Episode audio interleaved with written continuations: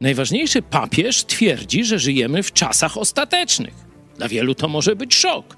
Spróbujmy to zweryfikować. No, najpierw trzeba ustalić, kto jest najważniejszym papieżem. Trzeba o to spytać katolików, bo tylko oni wierzą w tak zwane papiestwo. No i oczywiście, że dla katolików ważny jest e, Franciszek, chociaż do niedawna nie wiadomo było, który ważniejszy, oczywiście dla Polaków najważniejszy jest Jan Paweł II, ale wszyscy chyba katolicy się zgodzą, że najważniejszym papieżem w historii według ich numerologii, mitologii, czy jak to zwać, jest apostoł Piotr.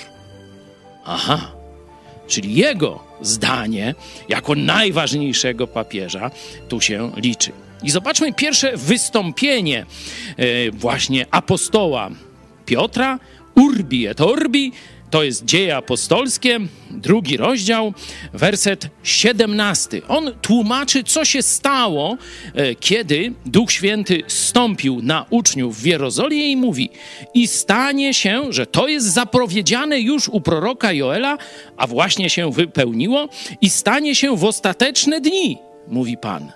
Czyli to, co wtedy, 2000 lat temu, stało się w Jerozolimie, według apostoła e, Piotra, było już wejściem w czasy ostateczne. Żeby jeszcze bardziej tę tezę pokazać, zobaczmy pierwszy list apostoła Piotra i e, pierwszy rozdział od razu mówi tak do swoich, swojego pokolenia. Wiedząc, że nie rzeczami znikomymi, srebrem albo złotem zostaliście wykupieni z marnego postępowania waszego przez ojców wam przekazanego, lecz drogą krwią Chrystusa, jako baranka niewinnego i nieskalanego, wprawdzie był on na to przeznaczony już przed założeniem świata, ale objawiony został dopiero w czasach ostatnich, czyli ostatecznych, ze względu na Was.